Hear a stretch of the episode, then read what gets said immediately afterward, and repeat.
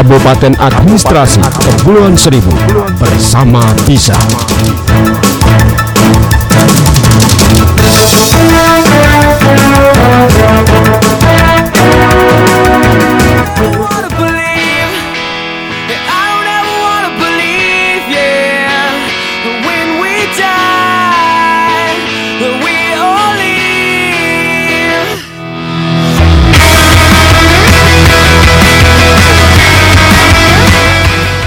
Assalamualaikum warahmatullahi wabarakatuh. Selamat pagi menjelang siang pendengar setia Radio Kepulauan Seribu Dan juga buat para pendengar podcast di mana pun Anda berada.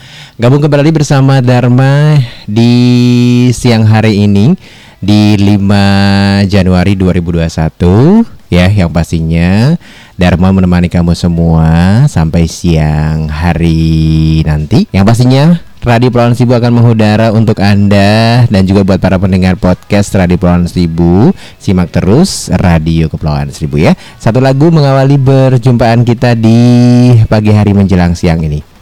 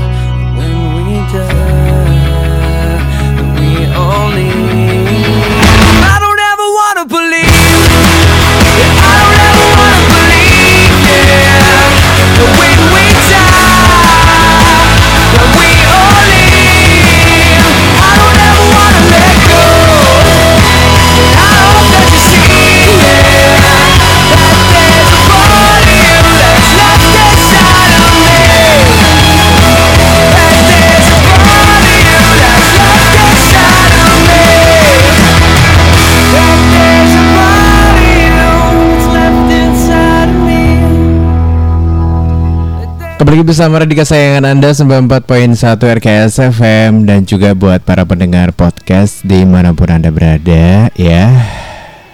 Live. Saya hadirkan untuk Anda Mengawali perjumpaan kita di pagi hari menjelang siang ini. Nah di kesempatan kali ini seperti biasa saya di segmen Lobster lagu-lagu dan obrolan terkini saya menghadirkan beberapa lagu mancanegara yang saya sudah pilihkan buat kamu semua ya. Selain itu juga pendengar Kepulauan Seribu informasi dari Kepulauan Seribu kita akan selalu hadirkan buat kamu semua ya serta beberapa informasi-informasi terupdate lainnya di uh, media online. Dan saya juga sudah siapin beberapa artikel menarik yang saya mau bahas kali ini. Ngomongin uh, episode tentang uh, beberapa destinasi wisata yang mungkin kita sudah tahu banget siapa uh, orang ya yang menjadi uh, menteri baru dari Menteri pariwisata ekonomi kreatif yaitu Bapak Sandiaga Uno. Nah, kali ini pendengar saya Pohon Sibu buat kamu semuanya walaupun memang di masa-masa pandemi kayak gini uh, tetap ya uh, wisata di seluruh Indonesia mulai sedikit mulai bangkit. Nah, ternyata peringatan pohon seribu uh, ditunjuknya Bapak Sandiaga Uno sebagai pengganti Wisnu Tama di kursi Menteri Pariwisata dan Ekonomi Kreatif kali ini oleh Presiden Jokowi diharapkan membawa secercah harapan bagi dunia pariwisata Indonesia yang telah sangat terpukul oleh pandemi COVID-19 guys. Nah peringkat Sepon Sibu, nah di sela kunjungan kerjanya di Bali pada Minggu 27 Desember lalu Sandiaga menegaskan target utama Kementerian Pariwisata dan Ekonomi Kreatif pada tahun 2021 ini dibawa ke pemimpinannya Sia adalah pembangunan dan pengembangan lima destinasi super prioritas. Ia pun memastikan pembangunan yang dimaksud akan dikebut mencangkup infrastruktur, kesiapan sumber daya masyarakat, hingga festival untuk setahun ke depan Sia.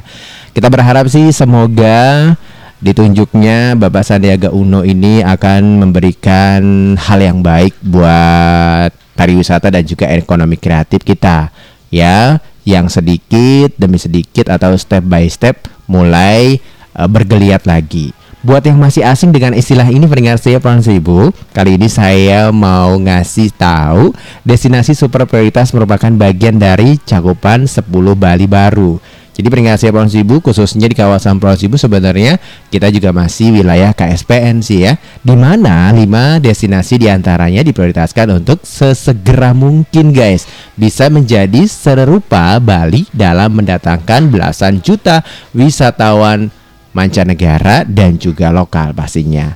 Lantas pendengar setia destinasi mana yang masuk ke dalam 5 destinasi super prioritas ini? Jadi pantengin terus Radio Polar Sibu karena nanti saya mau bahas nih 5 destinasi super prioritas Indonesia tahun 2021 ini di kepemimpinan Sandiaga Uno ya. Jadi tetap setia bersama Radio Polar Sibu pastinya. Jangan ke mana-mana dulu karena Dharma akan kembali lagi kupas semua beberapa eh, tempat-tempat uh, yang memang akan dikebut soal uh, infrastrukturnya kesiapan sumber daya masyarakatnya.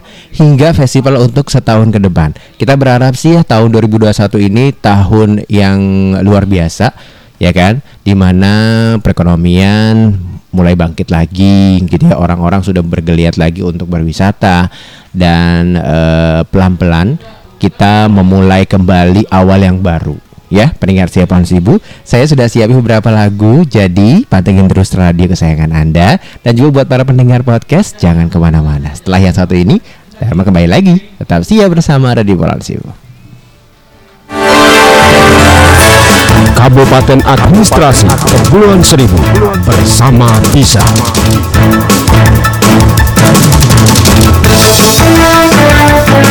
Is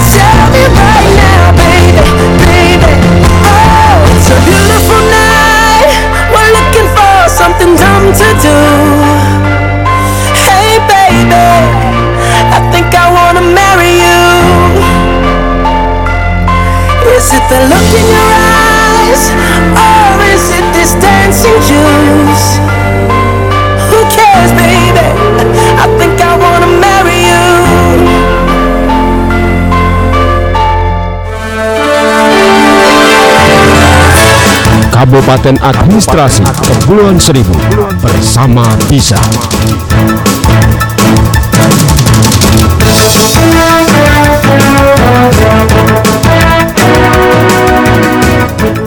Kembali lagi bersama radio kesayangan Anda 94.1 RKS FM di pagi hari menjelang siang ini bareng Dharma ya. Dan buat kamu semua para pendengar podcast Radio Kepulauan Seribu saya sudah siapin tadi lagunya Bruno Mars dengan Mary You. Waduh, siapa ini yang ngajakin nikah di tahun 2021 nih ya? di awal tahun sudah diajakin nikah. Ya udah tancap gas aja gitu ya.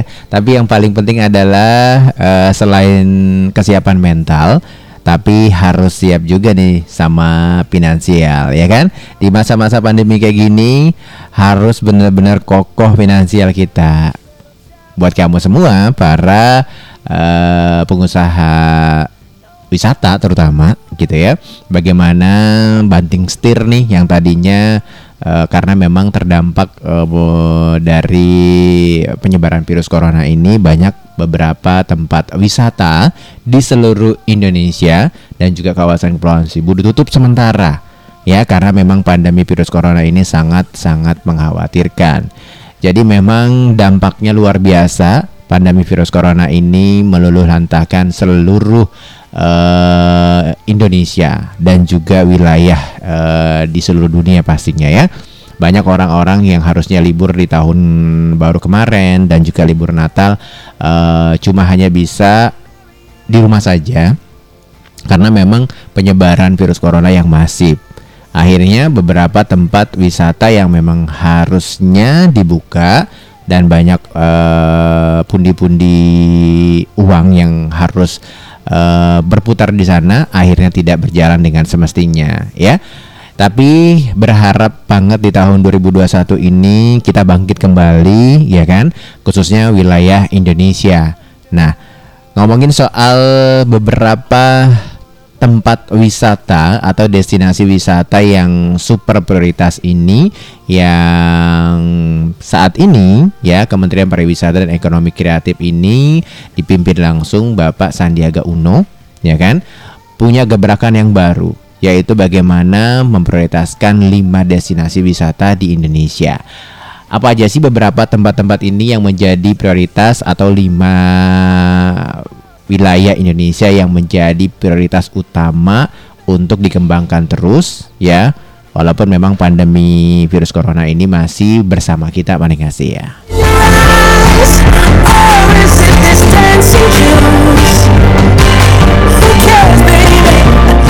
Ternyata pendengar siap tahun 1000 Bapak Sandiaga Uno memilih Danau Toba sebagai destinasi eh, super prioritas pertama di Sumatera Utara. Karena kenapa? Di sana itu terkenal sebagai danau terbesar di Asia dan terdalam di dunia, pendengar setia. Jangan-jangan pendengar setia nggak belum tahu nih ya. Kita punya danau yang besar dan eh, terdalam di dunia lagi ya. Terbesarnya di Asia. Berarti kan kita bisa eh, termasuk tempat wisata yang luar biasa nih. Memiliki daya tarik berkat predikat danau terbesar di Asia Tenggara ini, ya kan pendengar setia sekaligus salah satu yang terdalam di dunia, Danau Toba yang berada di Sumatera Utara ini masuk ke dalam lima destinasi super prioritas Indonesia. Terbentuk dari letusan gunung purba sekitar 77.000 tahun lalu pendengar siar di Pulau Sibu. Jadi ini terbentuknya cukup lama gitu ya sekitar 77.000 tahun lalu danau ini memiliki sebuah pulau yang bernama Samosir di bagian tengah dengan ukuran sam hampir sebesar Singapura guys. Jadi di tengah uh, letusan gunung purba ini ya di Sumatera Utara ini ternyata ada pulau. Pulau itu yang disebut adalah Pulau Samosir. Nah, mungkin pendengar siapa Sibu ini eh, Pulau Samosir ini atau Danau Toba ini pernah menjadi cerita legenda di wilayah Sumatera Utara. Kalau kamu sering baca sejarah, pasti akan tahu gitu ya. Nah, jadi jika diamati pendengar ya dengan luas danau yang lebih dari 100 km persegi ini dan kedalamannya sekitar 505 meter ini pendengar ya Danau Toba malah lebih mirip lautan. Kalau dilihat-lihat memang seperti lautan guys, karena memang dalam banget dan luas wilayahnya. Nah, pendengar siapa Sibu, sepanjang tahun 2019 lalu pendengar ya, Danau Toba sendiri yang berada di Provinsi Sumatera Utara ini cukup ramai pengunjungnya. Total kunjungannya saja mencapai sekitar 378.649 wisatawan. Itu udah uh, rinciannya dari mancanegara, ya mancanegara sampai wisatawan Nusantara. Mau tahu nggak beberapa rincian wisatawan mancanegara. Ternyata mancanegara itu pergi ke Sumatera Utara untuk ke Danau Toba aja mencapai uh, 65.724 orang. Bagaimana dengan wisata Nusantaranya ya. Nah, wisata Nusantaranya lebih besar ternyata guys. Ada sekitar 312.925 orang. Itu alasannya kenapa Danau Toba di Provinsi Sumatera Utara ini diprioritaskan sebagai destinasi yang akan diprioritaskan di tahun 2021. Jadi pilihan Bapak Sandiaga Uno nggak salah nih ya, karena memang banyaknya orang yang pergi ke sana, gitu ya. Terus banyak juga pengunjung dari luar negeri. Nah, harapannya, harapannya akses dan infrastruktur yang makin ditingkatkan ini jadi salah satu faktor harapan akan terjadinya peningkatan wisatawan ke danau legendaris ini. Jadi itu alasannya pendengar ya. Jadi kalau banyak pengunjungnya pastinya harus didukung sama sarana dan prasarananya. Selain sarana dan prasarananya pendukung dari wisata Toba ini gitu ya. Danau ini bisa pastinya karena memang dalam banyak dong biota laut eh biota biota biota yang ada di sana gitu ya entah itu mungkin wisata mancing wisata air gitu ya jadi infrastruktur yang harus ditingkatkan. Faktor harapannya setidaknya bisa meningkatkan perekonomian di wilayah Sumatera Utara ini ya. Eh, masyarakatnya akhirnya punya perekonomian yang baik tentang wisata ya. Itu alasannya kenapa ini menjadi destinasi prioritas utama di tahun 2021. Nah, kita berharap sih ya semoga memang uh, dengan semangat yang luar biasa ini dari Bapak Sandiaga Uno membangkitkan kembali wisata-wisatawan yang lesu gitu ya karena pandemi virus corona. Nah, kita berharap eh, beberapa wilayah Indonesia lain yang bisa menjadi prioritas. Tenang aja, masih ada empat guys. Yang pastinya Danau Toba ini menjadi prioritas utama untuk eh, dibanggakan buat Indonesia atau dikembangkan. Karena memang di sana itu eh, banyak banget wisatawan yang datang ke sana peringasi ya. Ya, selain bisa meningkatkan perekonomian di wilayah Danau Toba sendiri gitu ya. Wilayahnya memang ciamik banget untuk dinikmati. Ya kan, selain panorama ya keindahan alamnya, gunungnya, danaunya gitu ya. Aduh, kalau coba makanannya, waduh kayak gimana rasanya ya? Saya belum pernah juga sih sebenarnya. Oke, terima kasih Pohon Sibu buat kamu semuanya, para pendengar podcast di mana pun anda berada. Yang pastinya kita berharap pandemi ini cepat berakhir lah ya gitu ya, karena memang sudah ada vaksin dan kita berharap semoga pemerintah berupaya semaksimal mungkin untuk eh, menjaga kita tetap yang saya ingatkan kembali buat kita semua, buat para pendengar Radio Pulau Sibu dan juga pendengar podcast saya nih, kita harus selalu menerapkan protokol kesehatan di mana pun dan kapan pun. Saat ini kita harus selalu menggunakan masker, ya kan, menjaga jarak dan juga mencuci tangan, karena itu penting. Kesadaran kita gunanya untuk meminimalisir penyebaran virus corona itu sendiri. Oke guys, jangan ke mana-mana dulu yang pastinya selain beberapa uh, destinasi prioritas utama yang akan dikembangkan uh, di Indonesia ini, saya juga banyak ngasih informasi-informasi dari kawasan Pulau Sibu. Jadi pantengin terus radio kesayangan Anda. Dharma nanti akan kembali lagi setelah yang satu ini. Jadi tetap siap bersama Radio Kepulauan Sibu. Ada Evanes dengan My Immortal saya hadirkan untuk Anda. Tetap setia.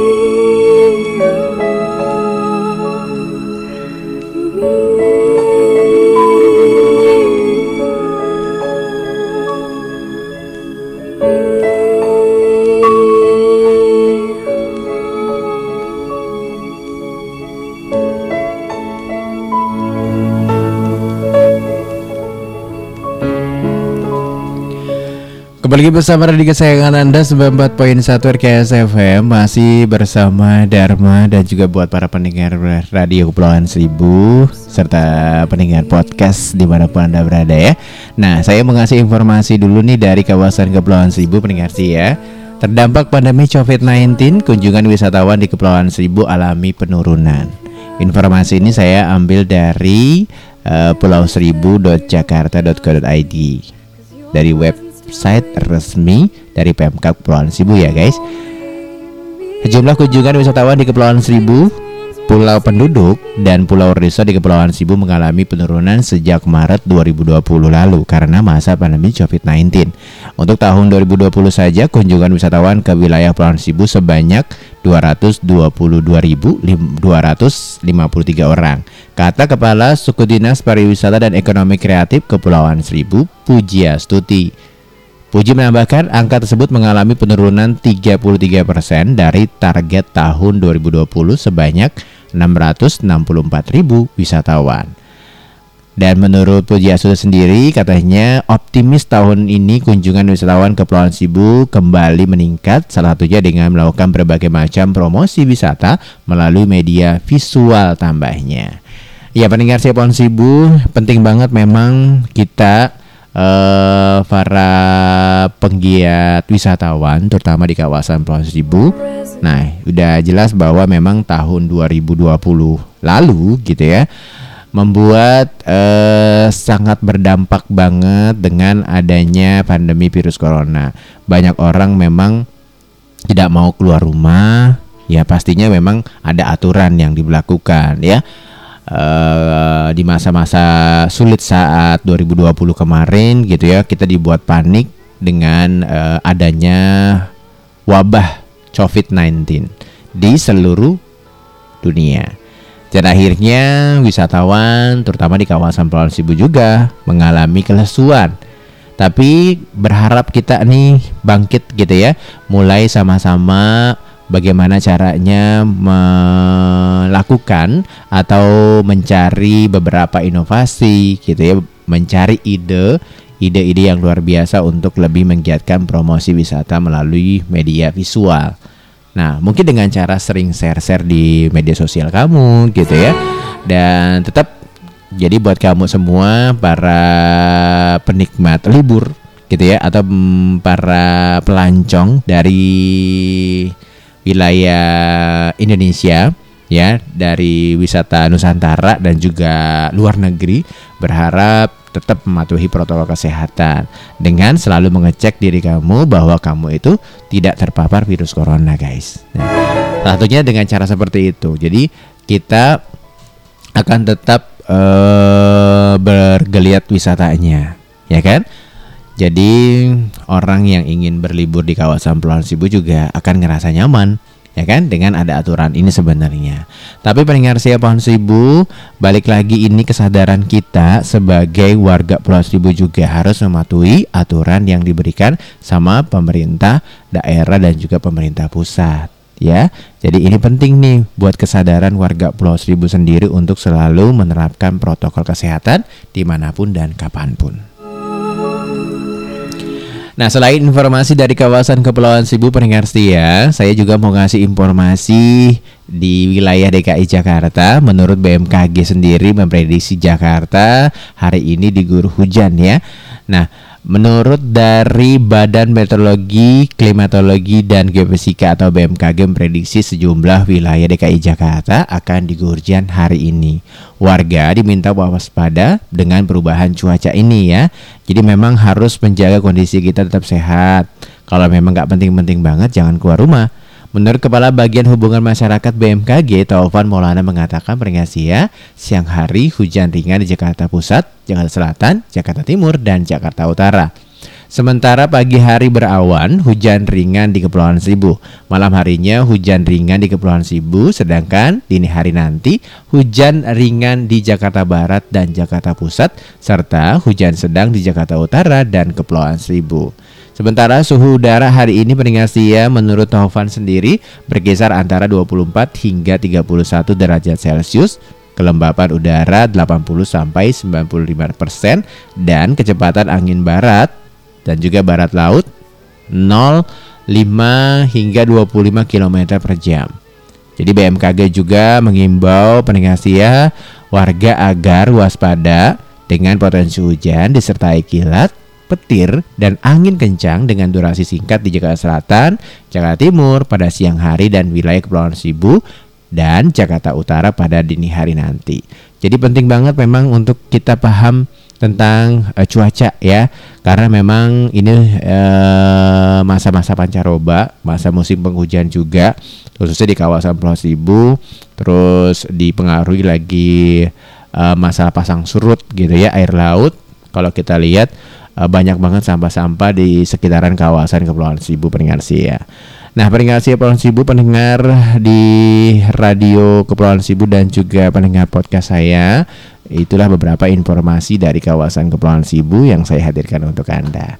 Nah, tadi kan kita masih ngobrolin beberapa uh, tempat ataupun uh, wisata yang menjadi prioritas uh, saat ini ya ataupun di tahun 2021 ini destinasi super prioritas Indonesia.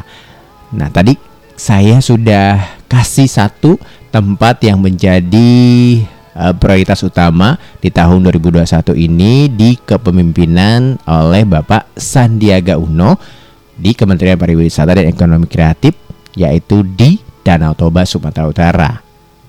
Yang kedua ternyata dipilih Bapak Sandiaga Uno adalah uh, wisatawan di Likupang, Sulawesi Utara.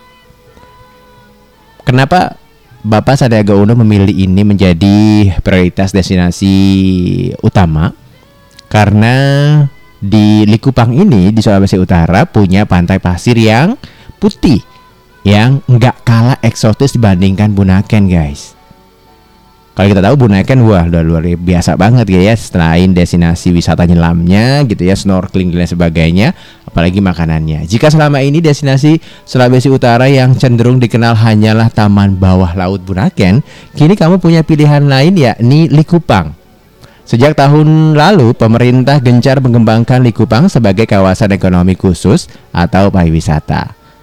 Merupakan kecamatan di Kabupaten Minahasa Utara, Sulawesi Utara Likupang bisa kamu capai dengan 2 jam perjalanan dari ibu kota Manado guys Dengan luas sekitar 200 hektar Di sini kamu bisa menikmati pantai berpasir putih nan indah Tahu nggak? Di sana juga ternyata ada dua lokasi yang ada pusat pengembangan yang namanya ekonomi khusus nih, kawasan ekonomi khusus di sana gitu ya. Saat ini ialah Pantai Val dan juga Pantai Pulisan. Nah, itu alasannya kenapa Bapak Sandiaga Uno memilih Likupang sebagai destinasi super prioritas yang masuk menjadi prioritas paling oke okay untuk digencarkan uh, atau sarana dan prasarananya ditingkatkan. Ya, jadi karena memang punya pantai pasir putih yang nggak kalah esotis dibandingkan sama Bunaken, guys. Jadi itu ya alasannya Wah, senang banget pastinya. Tapi kita berharap semoga beberapa tempat-tempat lain di Sulawesi juga dikembangkan dan dengan adanya pengembangan di ibu kota Manado ini ya di Kabupaten Minahasa Utara akan berdampak juga tentang warganya. Warganya pastinya nanti bergeliat ya kan. Uh, ada kegiatan-kegiatan uh, wisata bisa jadi tour travel gitu ya, terus jadi guide lokal. Nah, di sana nanti semua bisnis ataupun ekonomi-ekonomi kreatif akan bangkit. Banyak warganya akhirnya mungkin membuat merchandise gitu ya, terus uh, oleh-oleh, makanan khas yang kita tahu bahwa di Sulawesi Utara itu terkenal sama makanannya, apalagi di Minahasa. Is luar biasa gitu ya. nah, itu alasannya kenapa Minahasa atau Sulawesi Utara ini yakni di Likupang masuk di Kecamatan Kabupaten Minahasa Sulawesi Utara ini dipilih menjadi destinasi super prioritas oleh Bapak Sandiaga Uno. Oke okay guys. Jadi udah paham dong dua tempat ini karena prioritas karena memang tempatnya eksotis banget gitu ya. Kalau yang pertama tadi Danau Toba memang uh, tempat untuk kita main di danaunya gitu ya. Luas banget gitu kan banyak banget eh, sarana prasarana yang akan didukung di sana. Peningkatan eh, wisatawan yang datang luar biasa gitu ya. Nah di Likupang ini punya pantai pasir yang nggak kalah eksotis kalau kita udah mikir ke Bunaken, udah mikirnya pasti udah nyebur ke laut gitu ya, sama di kawasan Kepulauan Seribu. Karena kalau orang yang suka pantai sudah pasti pengen snorkeling gitu ya. Wah, kalau sudah di pantai, di bibir pantai gitu ya, waduh sambil minum kelapa muda, pasti asik banget pastinya ya, sambil makan ikan bakar. Wih, cakep.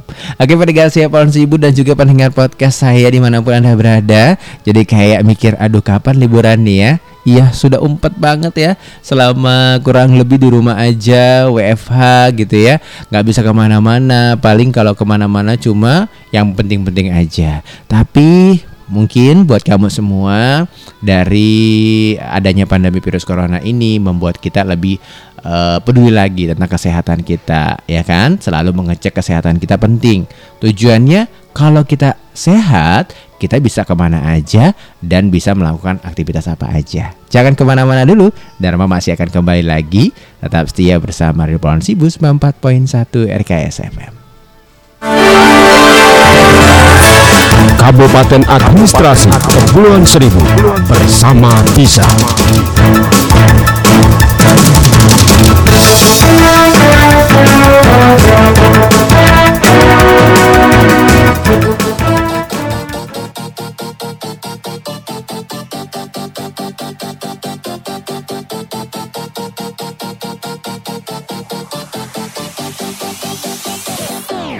I stand here waiting for you to bang the gong. To crash the critics saying, is it right or is it wrong? If only fame hidden I'd be, baby, could I bear? Being away from you, I found the lane, put it in here. I live for the applause, applause, applause. I live for the applause, applause, live for the applause, applause, live for the way that you cheer and scream for me. The applause, applause, applause. Give me the feeling. Put your hands up, make 'em turn. Give me the feeling. Put your hands up, turn.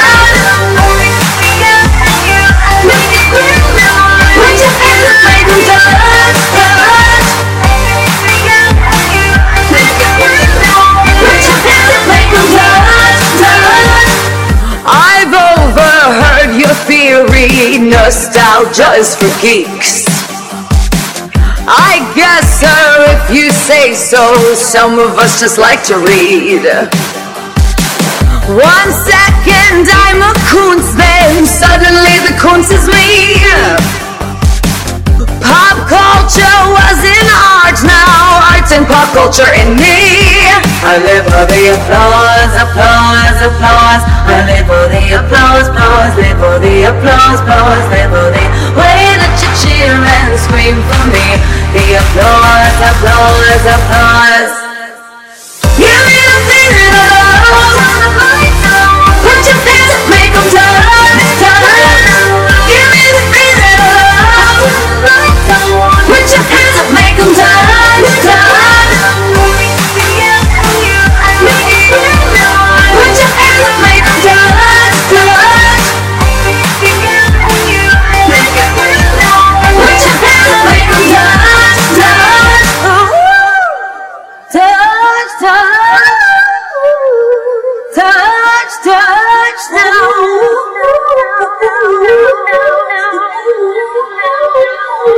I live for the applause, applause, applause. I live for the applause, applause, live for the applause, applause, live for the way that you cheer and scream for me. The applause, applause, applause. Give me the feeling of hands up, make 'em turn, turn. Give me the feeling of. Put your hands up.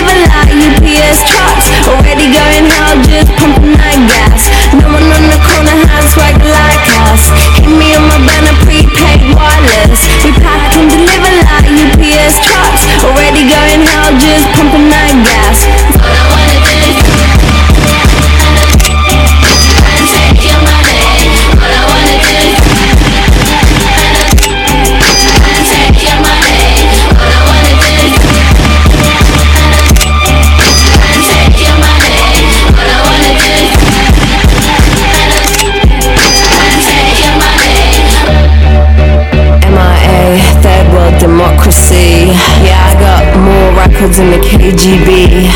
So, uh, no funny business. You already are.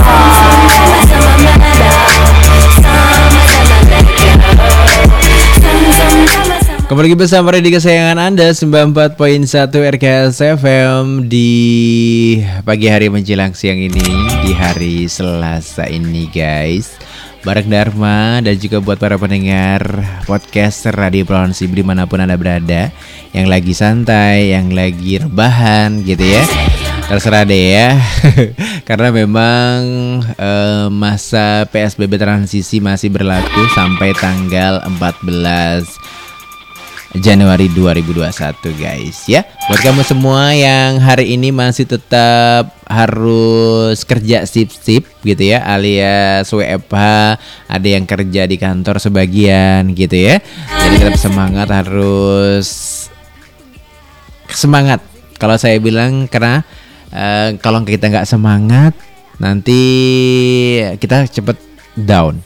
Terus down akhirnya kepikiran nggak bisa kerja ya kan? Terus akhirnya badan kita eh, ngedrop.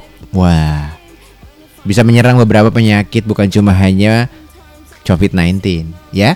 Jadi penting banget untuk selalu kita berpikir positif guys. Ya kan? Sering dengerin musik musik-musik yang bikin kita jadi relax santai.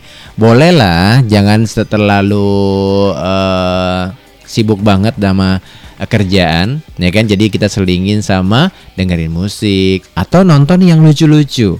Gitu ya nonton kartun. Boleh nggak sih nonton kartun di usia kita yang nggak muda lagi? Why not? Itu kan suatu apa ya eh, motivasi untuk kita mencari eh, suasana agar mood kita baik ya kan? Jadi bukan cuma hanya soal eh, lingkungan yang nyaman tapi ada di diri kita sendiri guys. Kalau kita mau sehat ya balik lagi. Kita harus niatin. Pokoknya saya harus eh, merubah pola hidup saya di tahun 2020 di tahun 2021 lebih baik lagi. Yaitu yang tadinya nggak sering olahraga sering-sering olahraga gitu ya. Kalau di tahun 2020 cuma hanya eh, kegiatan-kegiatan biasa aja. Sekarang lebih prioritas kegiatan-kegiatan yang bisa menguntungkan buat kamu. Contohnya bikin usaha baru di rumah selama pandemi virus corona akhirnya banyak banget ide-ide yang brilian kamu dapati di rumah. Salah satunya adalah usaha online. Iya nggak?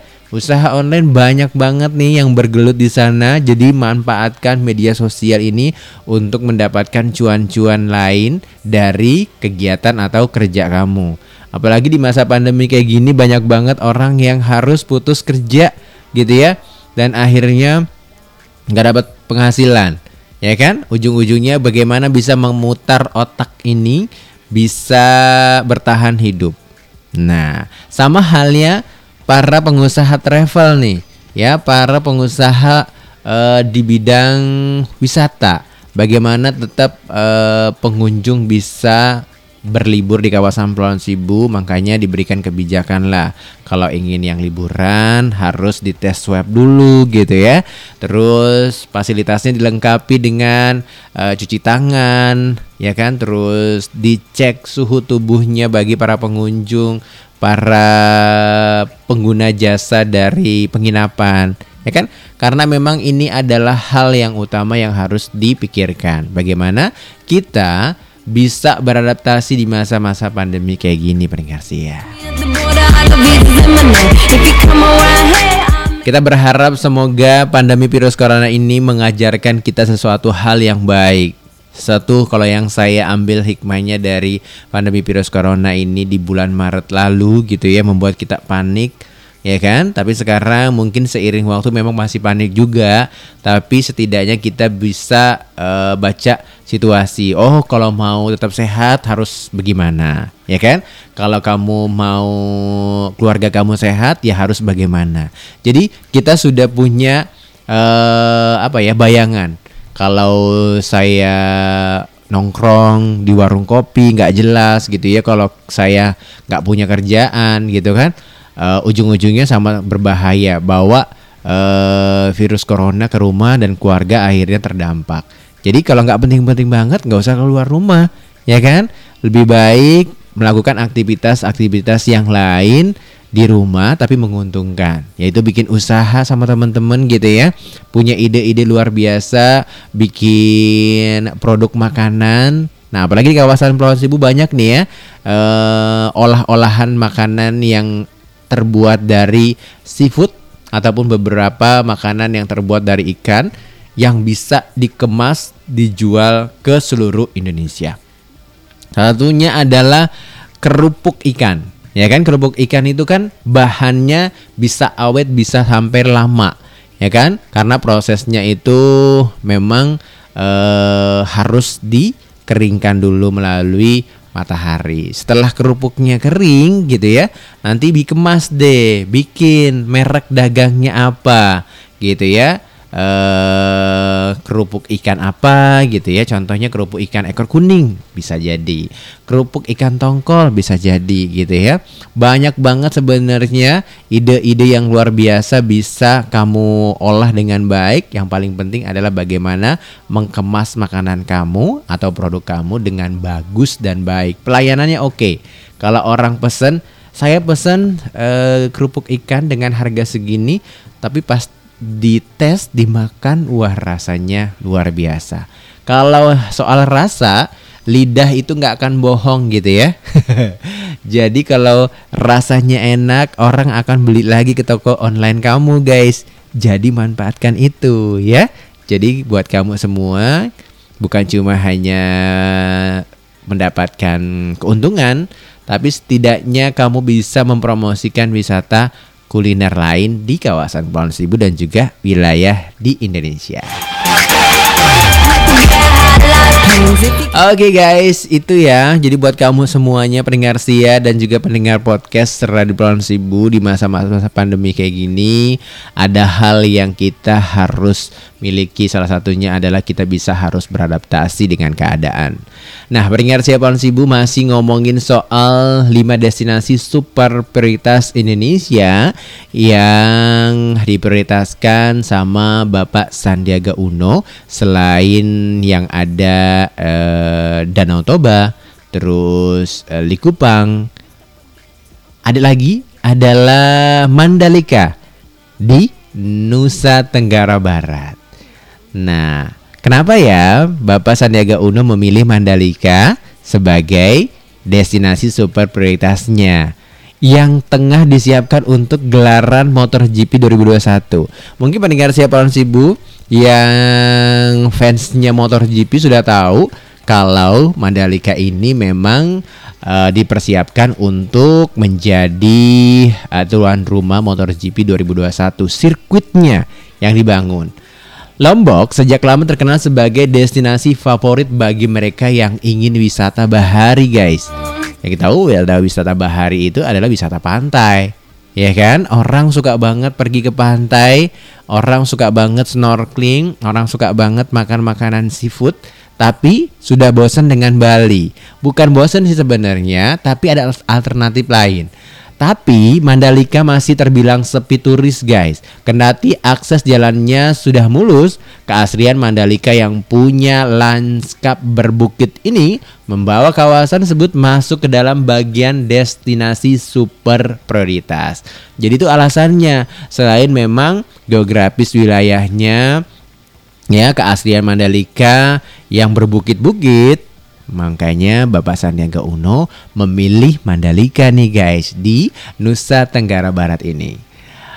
Menurut Menteri Pariwisata dan Ekonomi Kreatif Bapak Sandiaga Uno mengatakan membangun di Mandalika akan turut dikebut terutama menjelang pegelaran MotoGP Mandalika yang direncanakan berlangsung tahun 2021. Ya, kita berharap dengan dibuatnya sirkuit MotoGP ini ya, MotoGP ini akan berdampak ekonomi juga. Karena pastinya orang dari luar negeri ya eh, dari mancanegara seluruh dunia akan datang untuk menonton. Nah, sambil menonton pertandingan di MotoGP Mandalika, mereka bisa menikmati keasrian Mandalika di Nusa Tenggara Barat. Wisata bahari pastinya ya guys ya. Jadi banyak banget wisata-wisata yang memang bisa dinikmati di sana. Ini kenapa alasannya Bapak Sandiaga Uno mengebut atau merencanakan eh, pembangunan menjelang eh, penyelenggaraan MotoGP Mandalika ya. Jadi kalau cuma hanya bikin MotoGP sayang banget. Tapi diprioritasin sebagai destinasi wisata bahari juga. Wah, luar biasa banget ya. Yang kita tahu bahwa Nusa Tenggara Barat selain eh, keasrian dari tempatnya ya, terus masyarakatnya, kebudayaannya gak kalah keren juga sama Bali, guys. Sebenarnya pendengar saya pohon seribu banyak banget wilayah-wilayah di Indonesia yang bisa menjadi prioritas. Tapi ini alasan-alasannya ya kenapa beberapa tempat-tempat ini seperti di Sumatera Utara ya kan di Danau Toba gitu ya. Terus di eh, mana nih? Di Sulawesi Utara di Likupang gitu ya ada memang hal-hal yang berbeda. Serta Mandalika di Nusa Tenggara Barat ini menjadi prioritas utama sebagai destinasi yang dikebut di tahun 2021 ini. Good luck buat Bapak Sandiaga Uno ya. Kita berharap di kepemimpinannya ini membawa perekonomian, pariwisata dan ekonomi kreatif bangkit kembali guys. Ya setidaknya perlahan tapi pasti, ya gak? Oke guys. That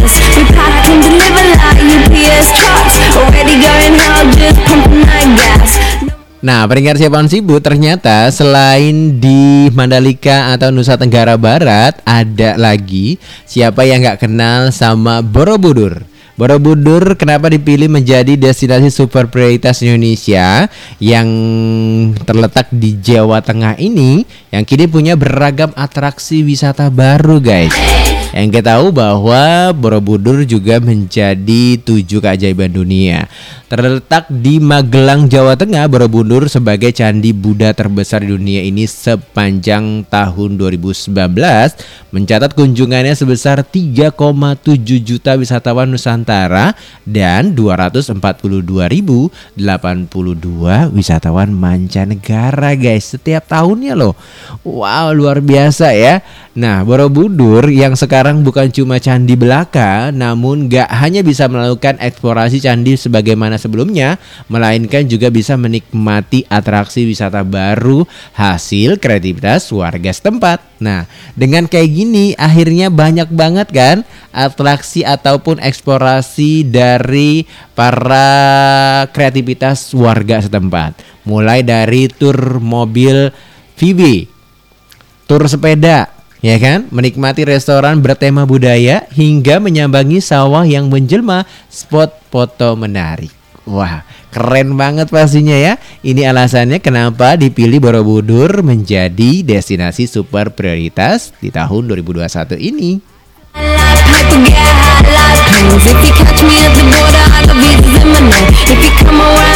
Kalau ngomongin soal tempat-tempat wisata di seluruh Indonesia nggak ada habisnya loh pendengar sih ya. Terutama di beberapa wilayah yang memang eh, banyak banget menjadi daya tarik. Karena memang Indonesia ini terkenal dengan eh, wisata baharinya, gitu ya. Terus wisata kulinernya, wisata budayanya, ya. Makanya alasan orang luar negeri sana berkunjung di kawasan Indonesia. Tujuannya adalah belajar eh, beberapa ragam budaya Indonesia. Makanan khasnya aja sudah sampai terkenal di seluruh dunia guys. Oke, jangan ke mana-mana dulu.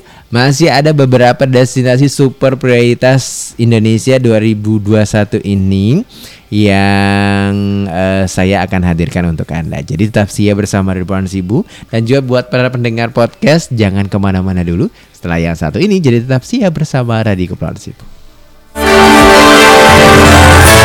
Kabupaten Administrasi Kepulauan Seribu bersama bisa.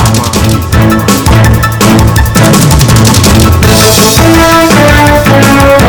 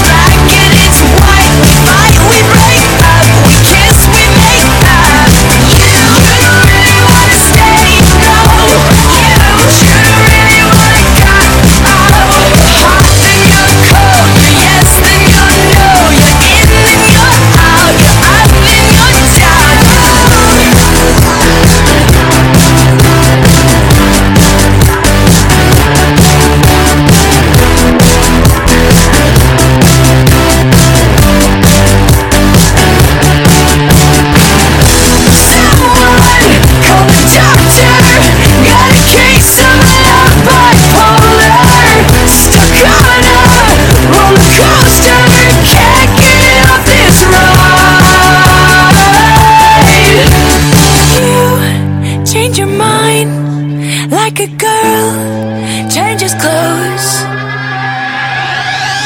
Cause you're hot.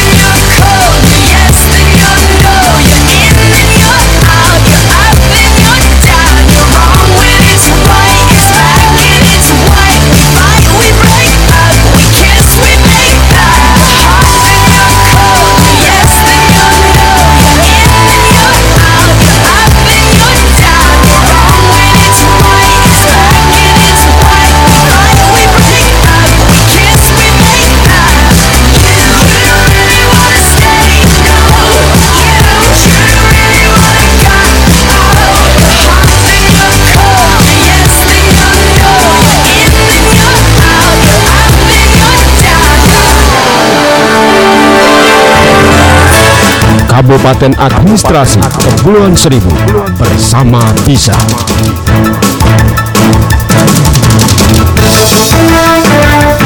You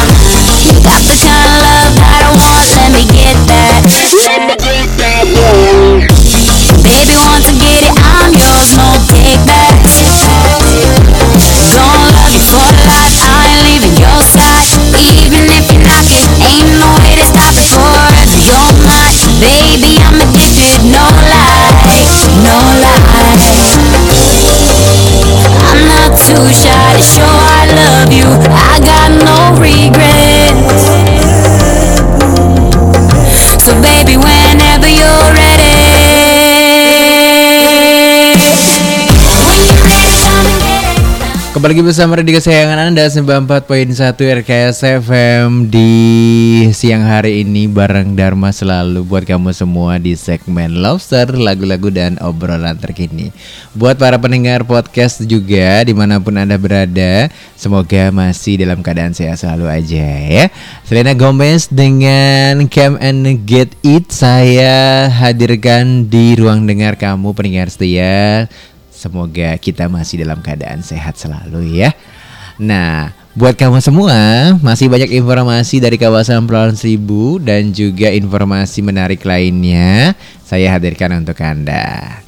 Dermaga utama Kelurahan Pulau Untung Jawa disemprot di inspektan. Ya, pendengar saya Pulau Seribu informasi ini saya ambil dari uh, website pulauseribu.jakarta.go.id.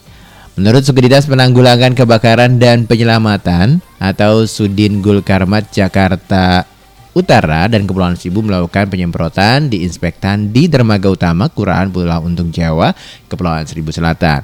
Kepala Sektor 8 Sudin Gul Karmat Jakarta Utara dan Kepulauan Seribu sendiri yaitu Eko Mahendro mengatakan penyemprotan di inspektan merupakan permintaan dari pihak kelurahan usai aktivitas wisatawan di libur Natal dan Tahun Baru. Empat personil dan satu unit water sprayer dikerahkan untuk melakukan penyemprotan di area dermaga utama agar steril dari wabah COVID-19. Dikatakan Eko, penyemprotan tersebut dilakukan mulai dari dermaga utama hingga tempat duduk penumpang dan kapal ojek rute Pulau Untung Jawa dan Tanjung Pasir Tangerang. Penyemprotan menghabiskan sekitar 15 liter cairan di inspektan pendengar setia. Jadi ini salah satu upaya pemerintah daerah kita ya, terutama di Kelurahan Pulau Untung Jawa. Jadi bukan cuma hanya di Kelurahan Pulau Untung Jawa saja, beberapa tempat-tempat memang menjadi destinasi wisata di kawasan Pulau Seribu juga dilakukan penyemprotan di inspektan baik di Pulau Tidung, di Pulau Pari, di Pulau Lancang, ya, di Pulau Pramuka, di Pulau Harapan, di Pulau Kelapa, ya beberapa tempat-tempat juga destinasi wisata yang ada di Pulau Resort juga. Jadi ini upaya pemerintah kita bagaimana wisata di kawasan Pulau Seribu tetap bergeliat. Tetap semangat ya peringatan saya pohon seribu Buat kamu semua kalau nggak penting-penting banget nggak usah keluar rumah Buat kamu yang tetap beraktivitas seperti saya nih Dan juga buat teman-teman yang lain Tetap harus menggunakan masker di lingkungan kerja kamu. Oke guys?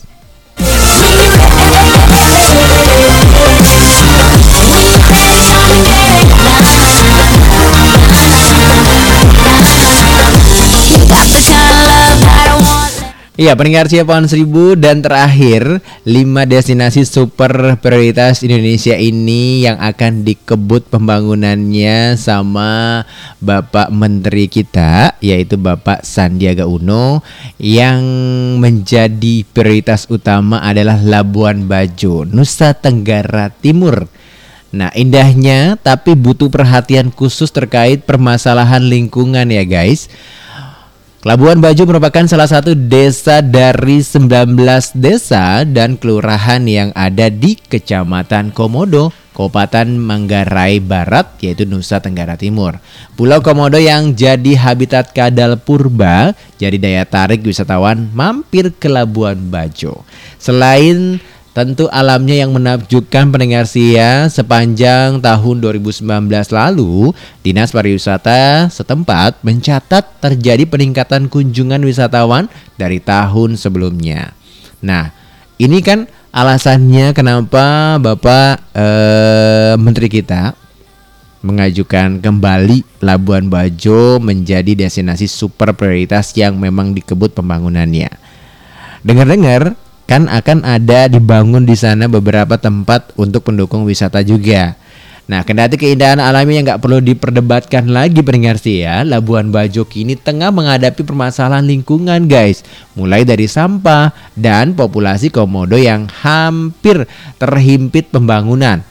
Untuk soal sampah saja, Menteri Pariwisata Kreatif Sandiaga Uno bilang akan menitik beratkan pengembangan di sana pada pengolahan sampah. Menurutnya, Labuan Bajo sudah jadi satu destinasi investasi yang cukup menarik sehingga aspek keberlanjutan sampah diubah menjadi energi harus difokuskan. Ini sih saya bilang sarannya yang luar biasa karena wilayah kalau nggak ditopang dengan pengolahan sampah yang baik akan uh, sia-sia. Apalagi destinasi wisata dikunjungi banyak orang, guys, ya kan? Selain orang berkunjung ke sana pasti banyak juga bawa sampah. Tapi kalau ternyata pengembangan di sana diprioritaskan pengolahan sampah, wis luar biasa, cakep ya. Nanti akan bisa menjadi destinasi yang bebas dari sampah juga. Nah, jadi itulah alasannya kenapa uh, dipilih 5 destinasi super prioritas Indonesia ini uh, yang pembangunan dan pengembangnya akan dikebut oleh pemerintah melalui Kementerian Pariwisata dan Ekonomi Kreatif di bawah kepemimpinannya Bapak Sandiaga Uno. Jadi ada destinasi yang ingin kamu kunjungi? Jika kondisinya sudah memungkinkan, wah, saya rasa mau banget gitu ya. saya juga belum pernah nih keliling Indonesia. Jadi buat kamu semua tetap semangat ya, jaga kesehatan kamu. Mudah-mudahan kita bisa pergi ke sana nih. Kalau sudah eh, bisa dibuka kembali, normal kembali gitu ya udah bisa pergi ke sana seperti di Labuan Bajo gitu ya terus di Danau Toba terus di Borobudur gitu ya. Terus ada yang baru di Mandalika sambil ngeliat eh, motor GP ya MotoGP 2021 bisa menikmati keindahan alamnya juga. Serta di Sulawesi Utara di Likupang punya pantai pasir yang gak kalah eksotis. Sebenarnya banyak banget loh wilayah-wilayah Indonesia yang memang eh, belum menjadi prioritas destinasi eh, wisata di Indonesia. Tapi kita berharap ya, semoga selain lima tempat ini ada lagi beberapa tempat-tempat lain yang menjadi prioritas utama juga untuk dibangun pembangunannya mulai dari para prasarana dan sarana pendukung yaitu akses jalannya atau akses menuju wilayah eh, ke sana lebih dipermudah. Contohnya kayak eh, di wilayah Kepulauan Seribu sendiri, ya kan? Di Kepulauan Seribu sendiri kita tahu bahwa kawasan Kepulauan Seribu juga merupakan wisata pantai yang gak kalah menarik dari beberapa eh, wilayah di Indonesia. Kita memiliki beberapa pulau, ya kan? Banyak pal banget gugusan pulau di eh, Kepulauan Seribu. Terus pantainya, wisatanya, makanannya, wis. Kalau tidak didukung sama sarana dan prasarananya, ya sia-sia dong.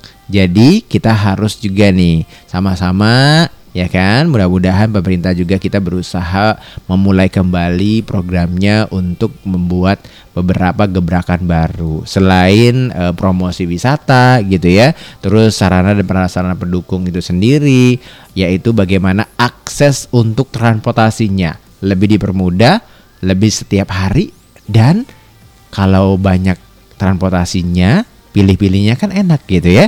Jadi kita bisa one way atau bisa menikmati sekali jalan bisa liburan snorkeling nggak perlu nginep boleh ya nggak? Oke. Oke pendengar siapa sibuk terima kasih atas kebersamaan anda di episode kali ini. Saya Dharma Hasim sudah memberikan hal yang seru yang menarik buat kita semua ya yaitu beberapa destinasi super prioritas Indonesia ini yang akan dikebut pembangunannya oleh eh, Kementerian Pariwisata dan Ekonomi Kreatif yang dipimpin langsung sama Bapak Sandiaga Uno saat ini ya. Saya Dharma Hasin mohon pamit dan juga buat para pendengar podcast Reborn Sibu dengerin terus di podcast RKS FM. Wassalamualaikum warahmatullahi wabarakatuh. See you bye bye. Kabupaten Administrasi Kepulauan Seribu bersama bisa.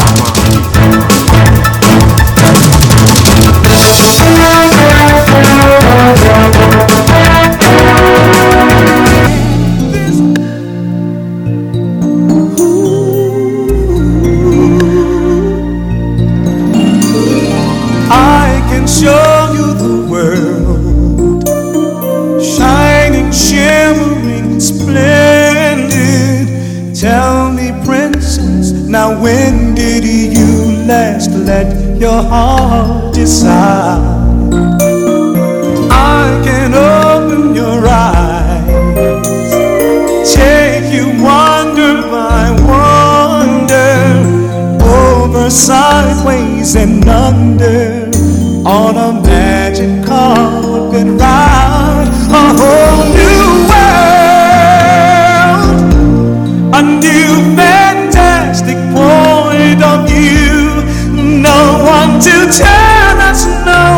Or where to go or say